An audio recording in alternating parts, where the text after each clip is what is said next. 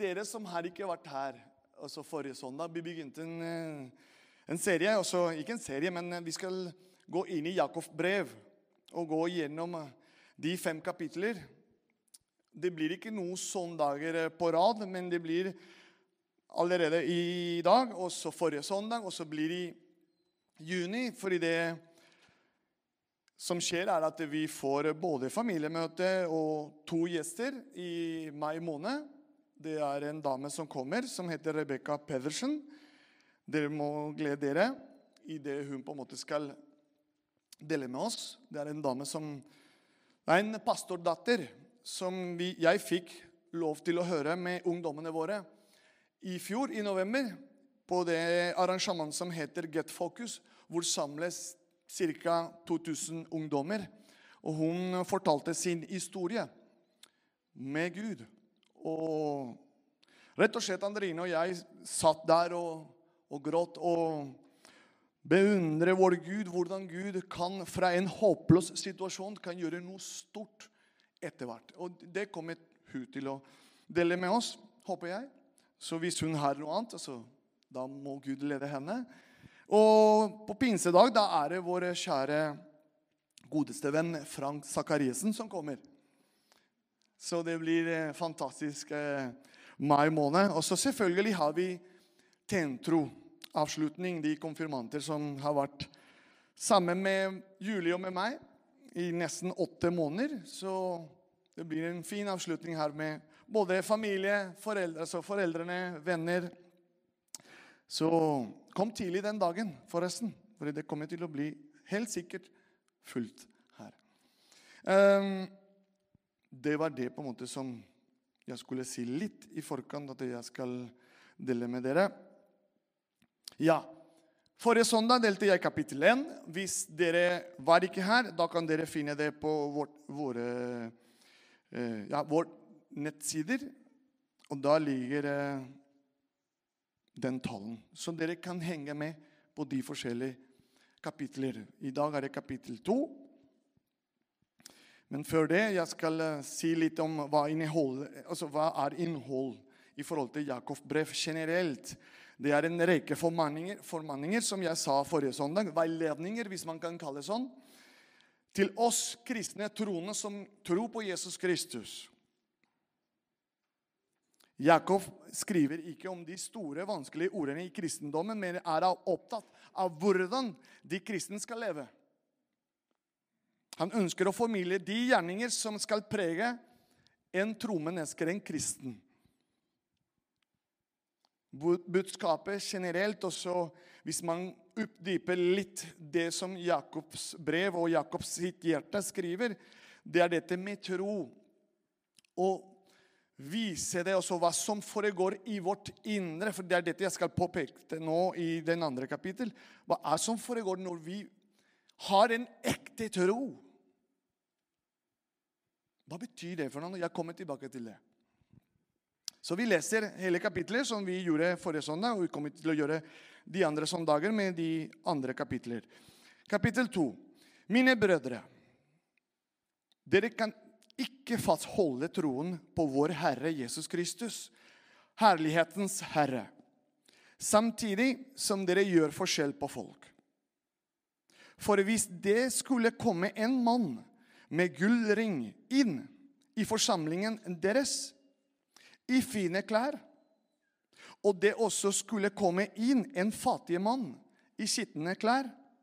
Og dere viser ham oppmerksomhet, som går med de fine klærne, og sier til ham, du kan sitte her på en god plass.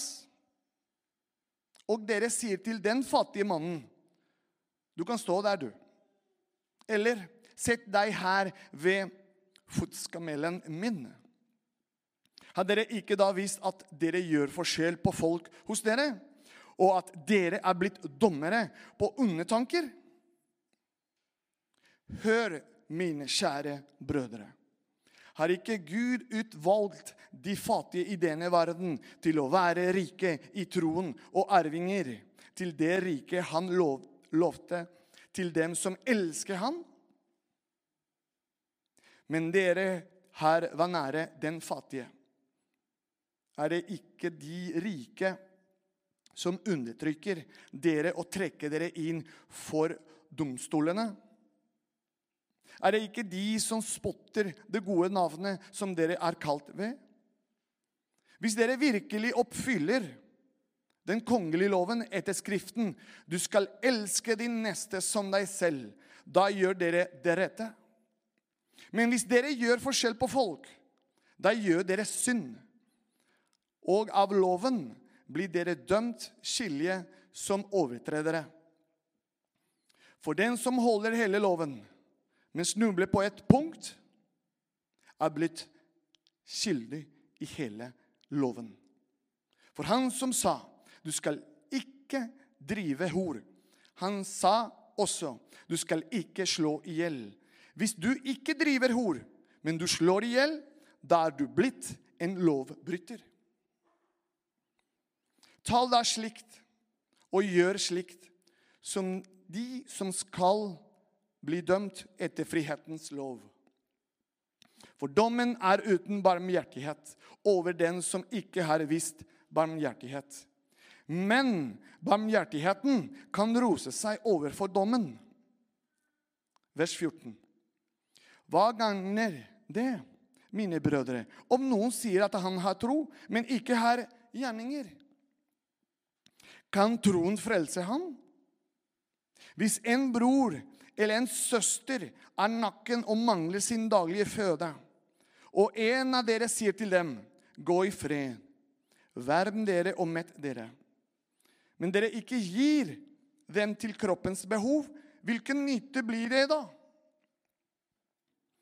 Slikt er det også med troen. Hvis den ikke har gjerninger, er den død i seg selv. Men noen vil si, du har tro, og jeg har gjerninger. Vis meg din tro uten dine gjerninger, og så vil jeg vise deg min tro ut fra mine gjerninger. Du tror at Gud er en. Du tror rett. Også demonene tror og skjelver. Men vil du vite, du tankeløse menneske, at troen uten gjerninger er død? Blir ikke vår far Abraham rettferdiggjort av gjerninger da han ofret sin sønn Isak på altaret? Ser du at troen virket sammen med gjerninger hans? Og at troen ble gjort fullkommen ut fra gjerningene? Og Skriften ble oppfylt, som sier Abraham trodde Gud, og det ble regnet han til rettferdighet. Og han ble, Guds, og han ble kalt Guds venn. Dere ser da at et menneske blir rettferdiggjort av gjerninger. Og ikke bare av tro. Ble ikke også hurkvinnen Rahab rettferdiggjort ved gjerninger på samme måte? Da hun tok imot budbærerne og sendte dem bort en annen vei? For slik som kroppen er død uten ånd, slikt også troen død uten gjerninger. Amen. Lite kapitler, dette her, folkens. Mm. Og det er mye du som er kanskje vant til å lese Bibelen og har gått gjennom de brevene som Paulus skrev, f.eks. Romebrevet eller Galaterbrevet. Så det kan bli litt sånn vanskelig å forstå hva Jakob egentlig mener i all dette her. Men det er spennende når man grunnig går til Skriften og ber Gud ved sin ånd å forstå dette her. For det kan bli forvirring. Det kan bli en misforståelse her i det Jakob prøver å si, i det Paulus allerede har skrevet og sa. Så Jakobs brev i kapittel 2 fokuserer på temaet tro og gjerninger, som vi hørte sist. Med andre ting også. Jakob advarer mot, mot Jeg prøvde å, å, å, finne det ordet som er på spansk. Det heter parcial. Og da kom på norsk partiskhet. Er det riktig? Ja, det er noen som gjør det sånn. Favorisering, kanskje. Delt. Det er det på en måte synonymer som jeg fant ut. Jeg skal prøve å komme til det poenget som jeg tror Gud har lagt i hjertet mitt. Men Jakob advarer mot favorisering i kirken, eller å gjøre forskjell i kirken. Spesielt mot de rike. Han argumenterer for at favorisering er uforenlig med troen på Jesus, som lærte oss å elske alle uten å skille mellom klasser eller rikdom. Er vi enige? Ja. Vi må huske at det er Jakobs brev til en tid Han skrev dette her til en tid hvor det var veldig sånn delt. Både fullt av fordommer og hat basert på klasse, etnisitet, nasjonalitet og religiøs bakgrunn. Noen av de punktene han skrev dette brevet. I den gamle verden ble mennesker rutinemessig og permanent kategorisert. Dere skal sitte der, dere skal sitte der, dere skal sitte der. Sånn var på den tida. Og jeg tror i noen steder, dessverre, i dag er det slikt også. Kategorisering. Fordi de var jøder eller hedninger, slaver eller frie, rike eller fattige, grekere eller barbarer. En betydelig del av Jesu verk, dere, var å bryte ned de veggene som skilte menneskeheten. Derfor han kom hit. For å vise oss veien. Og bringe fram en ny menneskerase i han, som Paulus skrev i Efeserbrevet, kapittel 2, vers 14-17. Han skrev følgende. For han, Jesus, er vår fred. Han som gjorde de to til ett og rev ned den muren som skilte fiendeskapet. Ved sin tro, ved, ved sin kropp, har han opphevet loven med dens bud og forskrifter. Slik stiftet han fred da han av de to skapte et nytt menneske i seg. I en kropp forsonte han den begge med Gud da han døde på korset og slikt drepte fiendskapet. Han kom og forsynte det gode budskapet om fred både for dere som var langt borte, og for den som var nær. Da begynner dere å se hvordan det er ikke noe, egentlig noen motsetninger i det Jakob allerede skriver her, og hva Paulus skrev tidligere.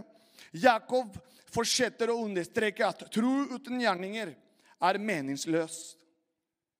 Å bruke eksempel i forhold til Abraham i vers 23, som vi leste i stad, for å vise hvordan tro og gjerninger er sammenkoblet.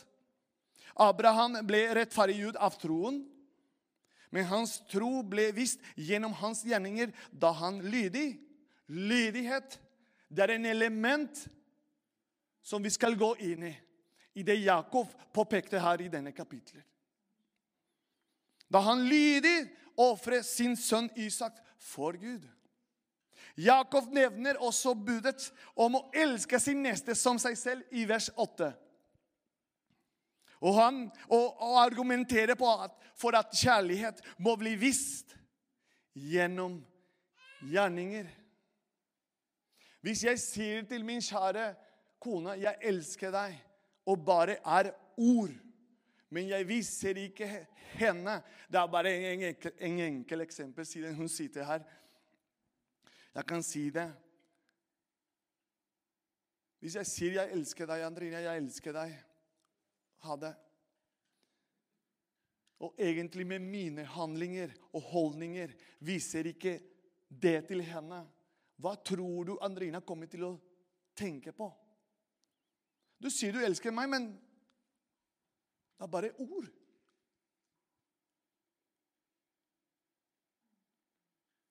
Og det er mange måter å, vise kjærlighet dere.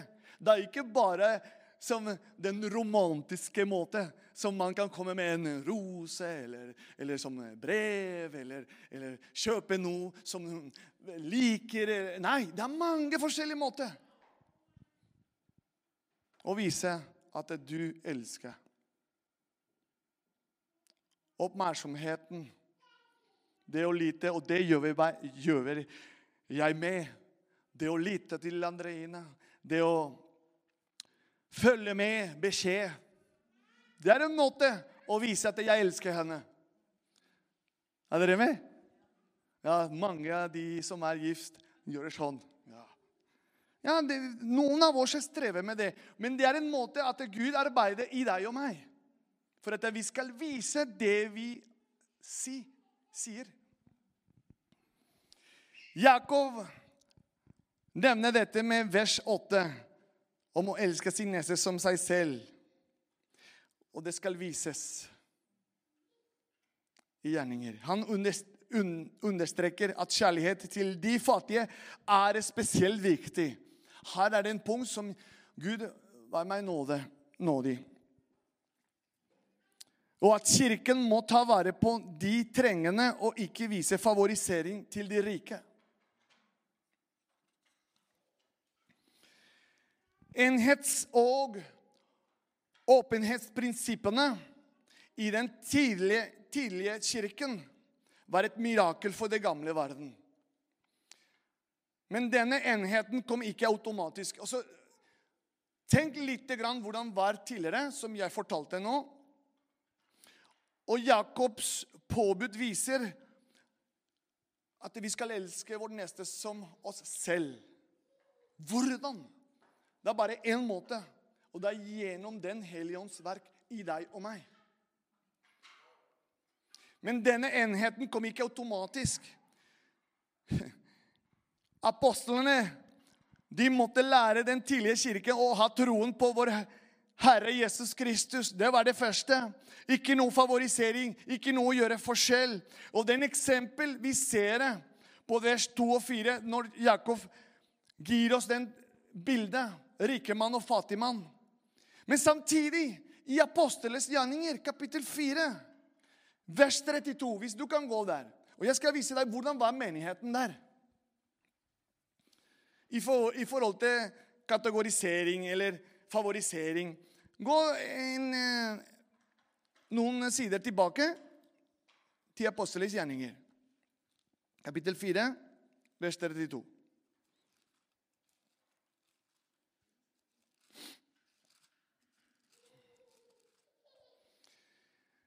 Hele flokken av de troende var av ett hjerte og en skjell.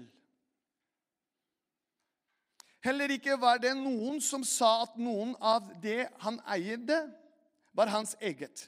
Men de hadde alt felles. Og med stor kraft avsla apostlene et vitnesbyrd om den Herre Jesu oppstandelse. Og Stor nåde var over dem alle. Og så videre. Men i vers Skal vi se Det var heller ikke noen blant dem som led mangel. For alle som eier jordeiendommer eller hus, begynte å selge og kom med betaling for det som ble solgt. Og la den apostlenes føtter. Og de delte ut Og så merker dette her, den siste setningen. Og de delte ut til hver enkelt ettersom de hadde behov. Så de var ett. Det var ikke noe forskjell. Det var likt. De som manglet, de som hadde, kom og ga det med kjærlighet. Fordi de hørte Jesu Kristi evangelium, også det kraftet som er i det gode nyheter, som er evangelium. Det er en av de bildene som jeg kan se for meg hvordan var menigheten. hvordan de, Også Jakob i Jerusalem sleit, rett og slett.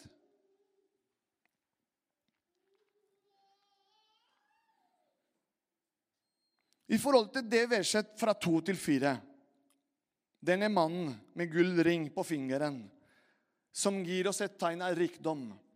Om den fattige mann i skitne klær. For hvis det kommer inn i deres forsamling Det gamle greske ordet for forsamling er bokstavelig talt synagoge. Jødenes samlingssted. Det faktum at Jakob kaller kristne forsamlingssted for synagogen, viser at han skrev før Henninger ble åpen mottatt i kirken. På tiden Jakob skrev, kom de fleste kristne fra en jødisk bakgrunn. Dette er det eneste stedet i Det nye testamentet der den kristne forsamling tydelig kalles en synagoge. Han som jeg sa forrige søndag, Jakob ble en pastor i Jerusalem. Og han skrev dette her med en hyrdehjerte til sitt forsamling. Og jeg tror det er så relevant og aktuelt i dag for alle oss. Å passe på på disse områder, ikke bare i forsamlingen, men i ditt liv og mitt liv.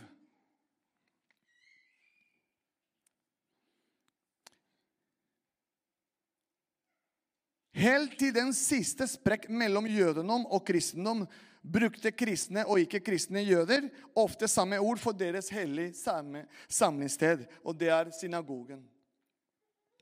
Gjør dere ikke forskjell i vers 4 på dere selv og blir dommere med onde tanker. Å favorisere den rike mannen over den fattige på den måte som Jakob beskriver, viser en dyp verslighet blant kristne.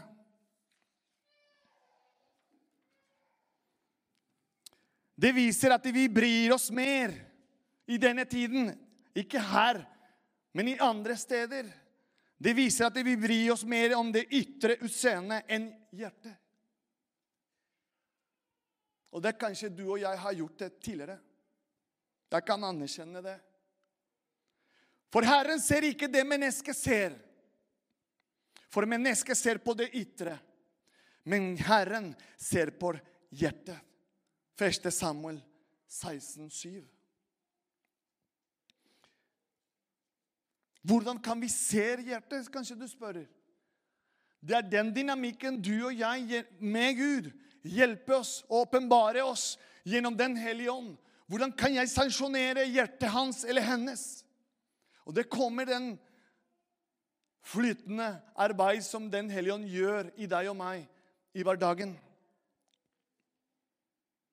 Men dette å, å, å, være opptatt på det ytre, det viser en egoistisk egenskap i deg og meg. Vi favoriserer vanligvis den rike mannen over den fattige fordi vi tror at han kan gi oss mer.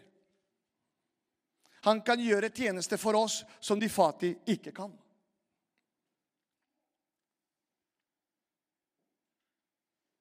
Har ikke Gud utvalgt de fattige i verden for å være rike i tro og arvinger til riket? Følg med her, dere. Fordi det er veldig interessant hva Jakob kommer inn på. Selv om det er lett for mennesker å være partisk eller favorisering mot de rike, er ikke Gud favorisert for noen grupper. Faktisk er de fattige, følg med, i verden velsignet spesielt av Gud. Siden rikdom er en hindring for Guds rike. Og det, dette er ikke jeg som kommer med disse tanker. Dette er Jesus som kommer med det. Hør hva han sier. Igjen sier jeg dere i Matteus 1924. Det er lettere for en kamel å gå gjennom et nåløye enn for en rike å gå inn i Guds rike. Den fattige er utvalgt for å være rik i tro, fordi de fattige i verden har flere muligheter til å stole på Gud. Er dere enig? Går det bra med dere, forresten? Ja. Derfor kan de være mye rikere i tro enn den rike mannen. Særlige Jesus sier i kapittel 5 i Matteus Særlige er de fattige i ånden, for himmelens rike er deres. Men pastor Fernando, er bare de fattige som Gud har utvalgt? Selvfølgelig har ikke Gud kun valgt de fattige. Men vi kan si at han har valgt de fattige først.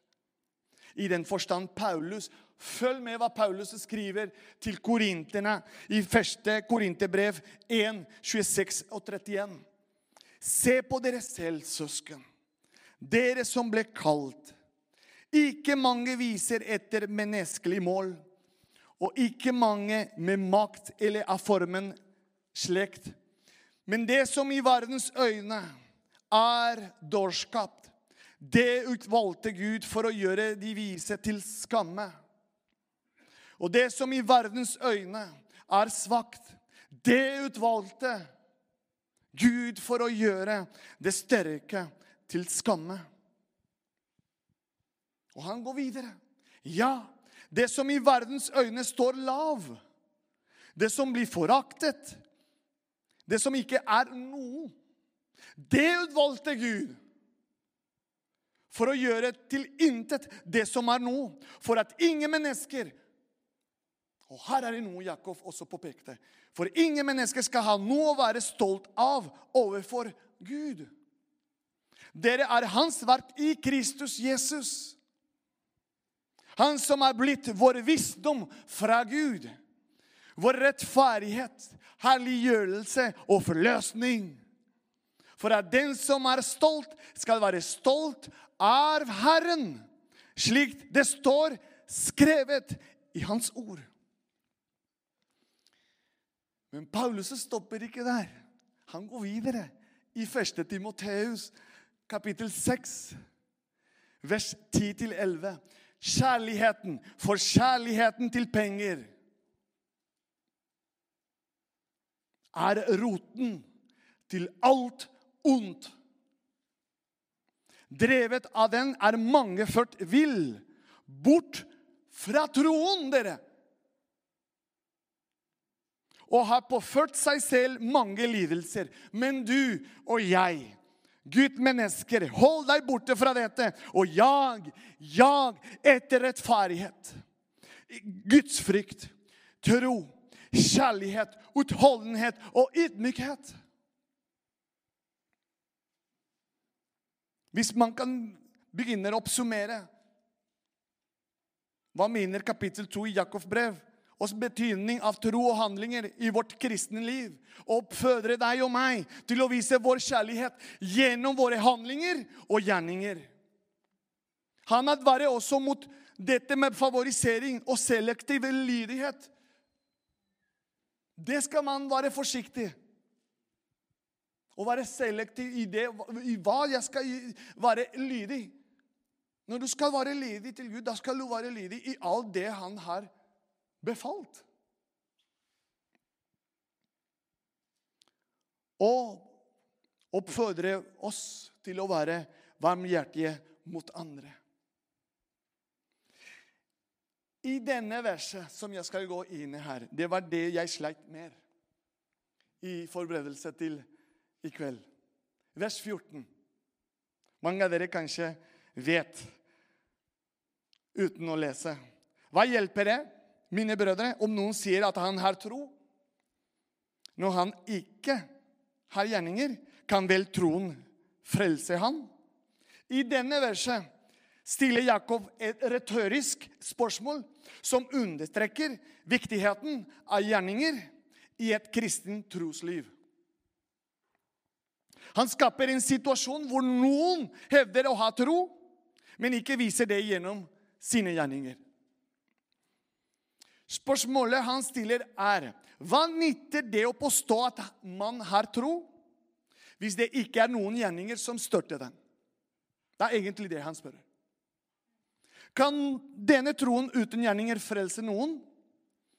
Det åpenbare altså svaret er nei. Troen uten gjerninger er en død, verdiløs og ubrukelig tro. Det er det jeg leser hva Jakob skriver. Det er troen til de som sier de tror på Gud, men ikke gjør noe for å vise denne troen i hverdagen sin. Jeg skal komme tilbake hvordan man skal vise troen. For Det er mange måter, som jeg har sagt, i forhold til det kjærlighet. Jakob argumenterer for at ekte tro alltid viser seg i gjerninger. Og det er gjennom disse gjerninger at troen blir levende, aktiv og effektiv. Barmhjertige samaritan i Lukas 10 det er en eksempel. Da er det tro, og da er det handling. Er dere med? Det er viktig å merke seg at Jakob ikke argumenterer for at gjerninger er nødvendig for å få frelsen. Frelsen dere mottas av nåde gjennom troen på Jesus Kristus. Da er det avklart. Er dere med? Men en ekte tro viser seg alltid i gjerninger. Tro og gjerninger er to sider av samme mynt og er avgjørende for en sunn og effektiv kristen liv. Men pastor Fernando igjen Jakob her ikke motsier hva Paulus allerede har sagt i romerbrevet. Jakob motsier ikke Paulus, dere. Som insisterte på at vi er frelst, ikke av gjerninger, i Efeserbrevet 2,9. Vi blir frelst av nåde gjennom tro på Han, ikke gjerninger. Men den troen, dere, som frelse, vi har verk som følger med. Er dere med? Det blir en aktiv i vårt indre som minner oss hvem vi er i Han i hverdagen vår. Den tror jeg her på Jesus Kristus gjør noe i meg. Ved sin Hellige Ånd. Han minner meg stadig hvem er jeg i Han. Og den troen jeg har i Han, på Han, gjør noe i min hverdagen. Tankemåte. Hvordan jeg snakker, hvordan jeg lytter, hvordan jeg ser situasjoner.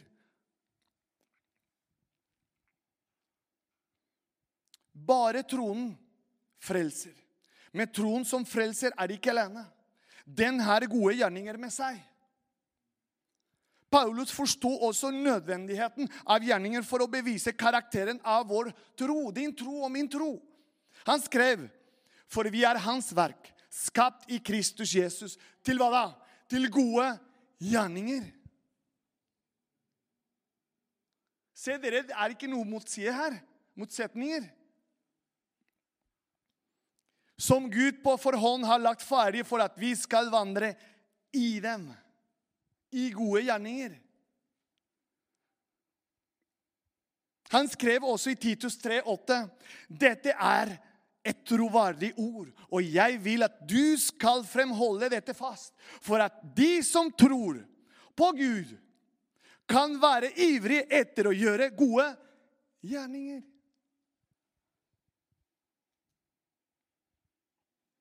Noen har forsøkt å sette Jakobs undervisning, som jeg også egentlig tenkte når jeg leste dette her gang etter gang. og så, Hva er det som skjer her mellom Paulus og Jakob? Så Jakob har ikke lest hva Paulus skrev. Og så, sånn.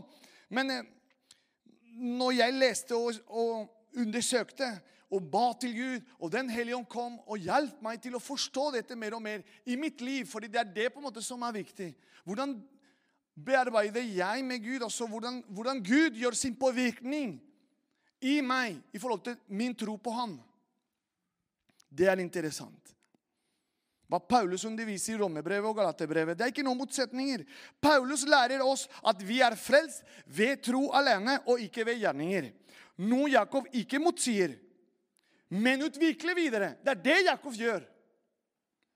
Jakob understreker at etter vi er blitt frelst ved tro,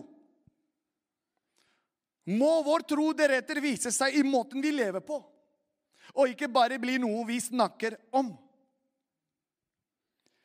Gjerninger han ser etter, er ikke de som vil frelse oss, men de som viser at vi er frelst.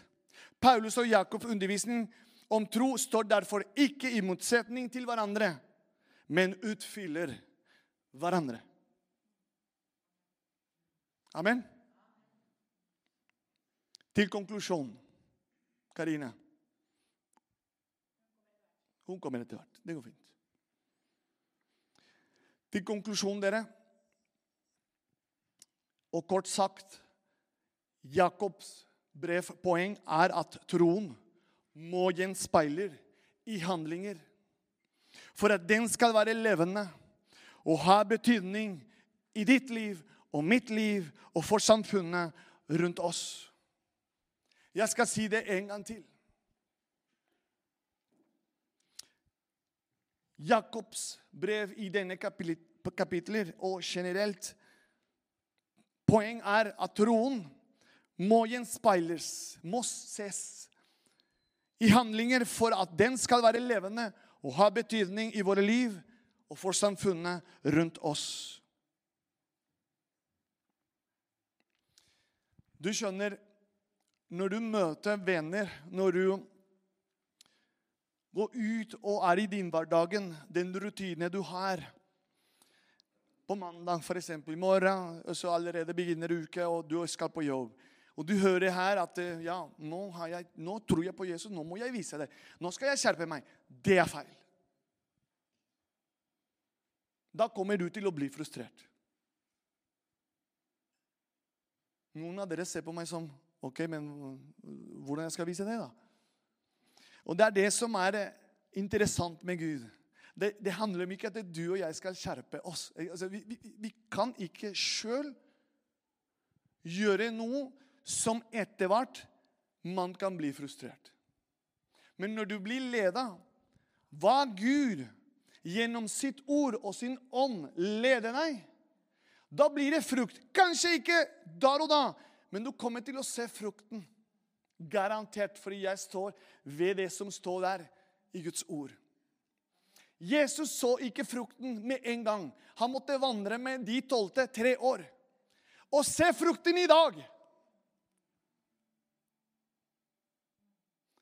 Det er to forskjellige ting dere, i forhold til tro og gjerninger. Det er mange som kan gjøre gode gjerninger, og det er veldig bra. Fortsett med det. Men din tro må aktiviseres sammen med gjerningene dine. Fordi det er himmelen og helvete, denne. Her er det ikke begge deler. Nei, det er enten-eller. Derfor Jesus har kommet i denne verden og døde på et kors. For at vi skal ha den veien åpen til Gud. Vi må ta dette på alvor, dere. Det Jakob kommer med, det er ikke en pekefinger han kommer med. Han kommer med en, kanskje en finger som peker til himmelen. Han er ivrig, og han vil at det forsamlinger da han er pastor i, skal bli minnet på at hvis du tror det må gjenspeile Jesus overalt men jeg vet ikke så mange bibeltekster. Men du kan begynne i dag å fylle deg med Guds ord. I den forstand du kan. Jeg kommer ikke her som, som, en måte, som en pastor, en streng pastor. Nå må du begynne å lese Guds ord. Dag og natt. Som egentlig det står der. Men du kan starte på én sted hvor Gud kan lede deg. Ikke du sjøl, for da kommer du til å slite voldsomt, som jeg gjorde i min tidligere vandring. Jeg begynte å forstå at dette er noe som jeg må begynne å lære. Og det er å finne meg disse rutiner som Gud leder meg til å være sammen med Ham. Så blir bli hverdagen min helt annerledes. Og gjerningene blir også annerledes. For det blir naturlig, dere. Det blir ikke en som på en måte en trang eller en tvang. At 'jeg må gjøre gode gjerninger'. Nei, det blir naturlig. For det er det som Den hellige ånds verk gjør blant oss. Vet du, Når, når man spør hvor, 'Hvorfor er du sånn, May-Britt?' Hvorfor, hvorfor, hvorfor er du så glad? Og så da, da er det mulighet. Ja, du, du skjønner, jeg, jeg, ser livet være sånn. Jeg er glad. Det er bra sagt. Men kanskje du kunne kride den. Du skjønner, jeg har en frelser. Det kan hende at det der og da skjer ikke det. Men den personen som spør, jeg bare gir en tegn. Du kan si, du skjønner, den glede den kommer ikke fordi jeg skjerper meg eller jeg vil vise meg. Den glede er for jeg er takknemlig til en Gud som har frelst meg. Jeg vet det er vanskelig. Visste dere det? Men når den første skritten er gjort, da smaker du på noe at Gud gjør noe i deg som fortsett. Fortsett. Og han begynner å oppmuntre deg. Det er mange måter